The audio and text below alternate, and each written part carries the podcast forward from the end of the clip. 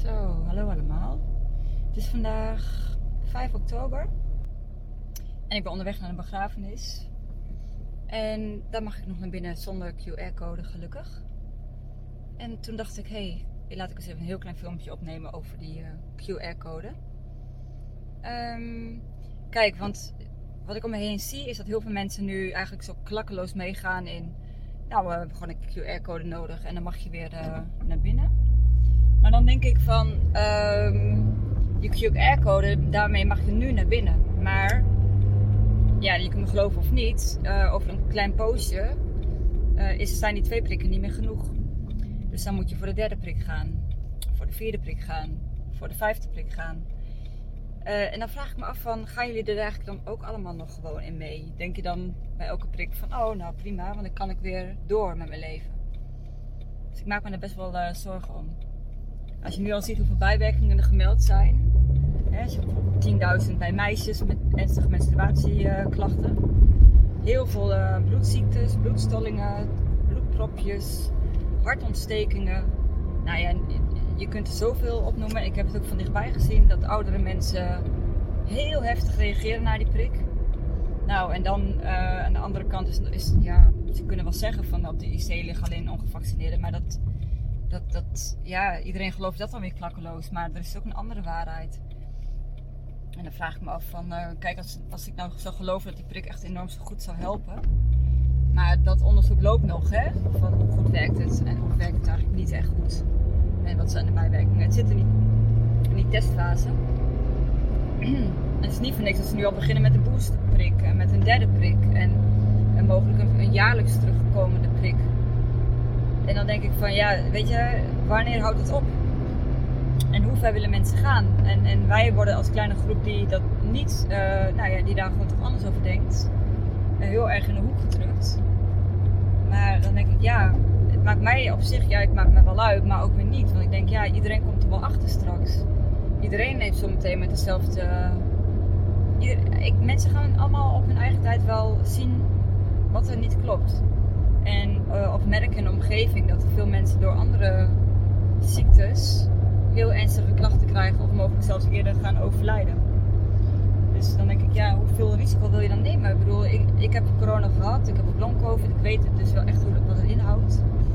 Ik heb het ook uh, vanaf ja, in maart 2020 al uh, gekregen, dus ja, dat was volgens mij denk ik wel eens een beetje de heftigste tijd dat je het kon krijgen, heb ik het idee. En dan denk ik, ja, ik, wil liever geen risico nemen door middel van zo'n prik. Nou ja, goed. Dan denk ik de mensen die wel geprikt zijn en dus denken dat ze dan beschermd zijn, waarom maken ze die zich dan zo druk over mensen zoals mij? En ik, uh, ik, ik, ik, respecteer iedereen en als, als ik aan iemand zie dat hij, dat hij bang is, dan ga ik 10 meter afstand nemen. Dat maakt mij niet uit. Maar waarom dan niet een beetje ja, het andersom ook gewoon respecteren? En zullen mensen zeggen van uh, ja, maar uh, door jullie kunnen wij, kan de maatschappij niet meer open. En dan denk ik ja, maar dan kan, dan kan zo iemand als Hugo de Jonge alles wel verzinnen. Dan kan hij wel de volgende keer weer iets zeggen waar iedereen massaal meegaat, maar wat ook eigenlijk nergens op slaat. Dus hoe, hoe volgzaam wil je dan blijven? En in, in hoeverre werk je dan mee aan het algemene belang? Maar ja, dus ik, ik oordeel daar niet over, maar ik ben daar wel bezorgd over. Denk ook voor die oudere mensen die nou mogelijk die booster shot kunnen krijgen. De camera die stoort een beetje, dat is. Dan, um, ja, ik hou mijn hart vast. Letterlijk en figuurlijk. Nou, niet letterlijk, wel figuurlijk. Want, um, ja, wat gaat daar dan weer achterweg komen? Het is nou eenmaal een vaccin in de testfase, hè. Het is een splinternieuwe technologie. Nou ja, dat hele riedeltje hoef ik verder niet, niet, niet uit te gaan leggen. Dat, heb ik al te vaak gedaan vaak gedaan. Nou ja, en dan denk ik van. Ik snap het wel als mensen dus kennelijk echt compleet anders omdenken. Dat ze denken, ja, maar we moeten even erdoor met die vaccins en dan wordt alles weer normaal. Maar alles wordt sowieso niet normaal. Mensen uitsluiten is dat niet normaal, maar alle schade die nu door het beleid is ontstaan is ook echt abnormaal. En ik, ik blijf me maar verbazen over de. Ja, het ligt zo voor de hand dat het niet klopt.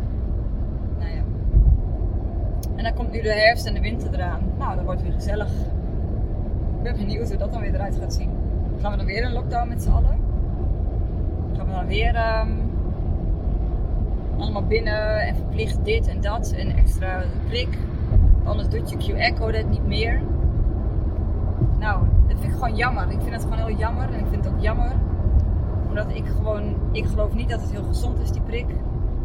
En ik vergelijk het niet met andere soorten prikken. Ik heb het echt over deze. En dan vind ik het gewoon zo jammer allemaal. En ik snap het ook, maar ik, vind het ook gewoon, ik leef wat dat betreft echt in twee uh, werelden op het moment. En ik probeer elke keer maar te denken, ja, blijf er maar een beetje tussenin staan en van allebei de kanten te begrijpen. Maar ik heb nog geen moment gehad dat ik ik heb echt beide kanten goed onderzocht. Uh, zowel voor als tegen, echt constant 50-50. En ik heb gehoopt dat ik uh, op een gegeven moment kon zeggen: Oh nee, ja, je, je, moeten toch maar het beleid goed volgen en dan komt het goed. Maar ik heb het gewoon niet, dat moment is niet gekomen en dat moment gaat ook niet komen. Helaas. Maar goed, ik ga dus nu even voorbereiden op de begrafenis. En uh, het is geen erge begrafenis hoor. Het is gewoon ja, mensen horen te overlijden op een gegeven moment. En als iemand dan 93 is en al heel leidersweg gehad op het laatst, dan, uh, ja, dan is het ook goed als iemand gaat, toch? Zo zie ik dat tenminste. En ik hoop gewoon uh, nog steeds van harte dat, dat alle schade die er nu is, die er is ontstaan, dat er nog enigszins een goede baan geleid kan worden. En het enige manier hoe dat kan is doordat wij als mensen niet boos worden, maar wel zeggen stop, tot hier en niet verder. want zolang wij blijven kiezen voor dit beleid, kiezen wij ook automatisch voor alle nevenschade. En dan kun je misschien denken, nevenschade, waar heb, je het over? Nou, dat is helemaal niet zo moeilijk. Dat zijn gewoon de economische schade, de ondernemers die helemaal, helemaal klem staan, personeel hebben moeten ontslaan, nu moeten gaan verplicht lopen werken met een QR-code, uitgestelde zorg, depressies, eenzaamheid, angsten. Het is zo groot. Het is zo, uh, maar ook gewoon het traumatiserende effect, wat nu nog niet opgemerkt wordt. Maar bijvoorbeeld als je bij de overheid werkt, of bij de politie, of BOA, of, of, of als leraar, of als zorgmedewerker, of waar je ook geacht wordt om je niet tegen te spreken tegen het beleid. Ja, dan denk ik van dat is echt best wel heftig daarmee gaan veel mensen, niet iedereen, maar heel veel mensen toch wel over hun eigen grens heen. Dat vind ik nog niet zo best. En ik vergelijk het wel een beetje dat stuk met, nou ik vergelijk het hele, hele beleid kan je echt wel best wel goed vergelijken met narcistische manipulatie. En ook daarin hè, word je vaak wordt van je geëist om dingen die je ziet en waarvan je voelt het klopt niet, om dat toch te verdogen. Hè? Je mag er eigenlijk niks over zeggen, want je mag niet andermans gezag ondermijnen. En daarmee word je eigenlijk mede verantwoordelijk. vanuit mijn voorbeeld, bijvoorbeeld bij een ex, nou, dan zag ik dingen gebeuren bij de kinderen wat ik zo erg vond, zo schokkend vond. Maar oh wee, als ik daar maar iets van zei. Je ondermijnt mijn gezag. Je moet dus mijn bek houden. Maar ondertussen zie je twee kleintjes te staan. En die laat je dan dus in de steek. Nou ja, ik ben toen heel gauw met die relatie gestopt. En dan denk ik, ja, ik kan niet over dit soort grenzen gaan.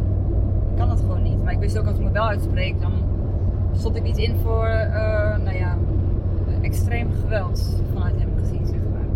Ja, dus ik vergelijk dat, er zijn zoveel dingen te vergelijken. de verwarring, het verantwoordelijk worden gehouden voor bepaalde zaken. Nou ja, et cetera, heel veel. Ik ga stoppen nu. Dit wil ik gewoon even kwijt. En ik ga me nu even een beetje voorbereiden op uh, straks. Nou, allemaal fijne dag. Ik weet niet of je het kunnen zien, maar het is schitterend weer.